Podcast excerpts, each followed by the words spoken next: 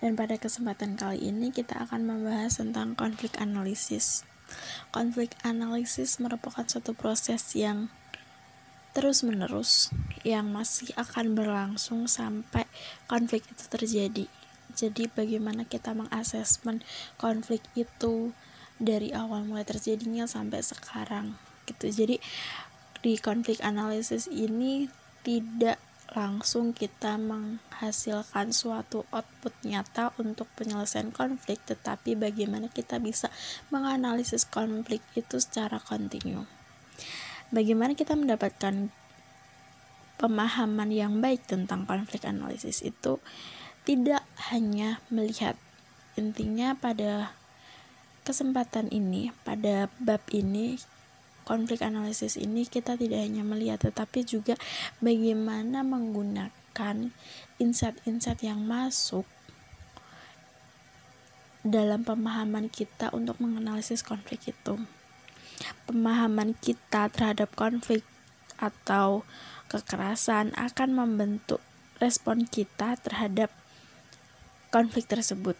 Itu menurut uh, Lisa Church. Nah, konflik analisis ini juga membantu kita untuk mensortir bagaimana kita dapat memprioritaskan dan memahami hubungan di antara para aktor-aktor yang berkonflik. Yang kedua juga bagaimana kita dapat melihat konteksnya. Apakah itu berpengaruh terhadap lingkungan atau bagaimana dan yang paling penting kita harus mencari efeknya terhadap ekonomi, political, and budaya itu. Bagaimana hal-hal tersebut dapat memicu terhadap terjadinya konflik tersebut.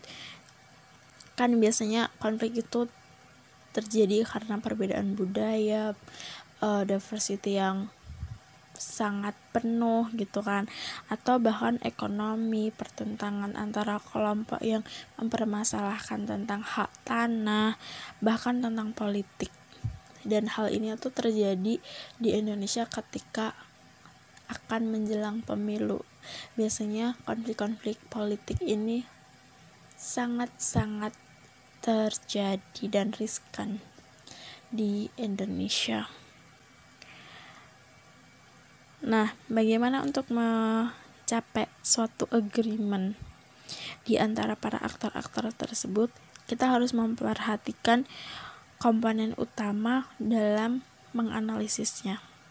Yang pertama adalah pemahaman tentang aktor utama yang bermain di konflik ini gitu. Siapa saja sih konflik-konflik yang terlibat?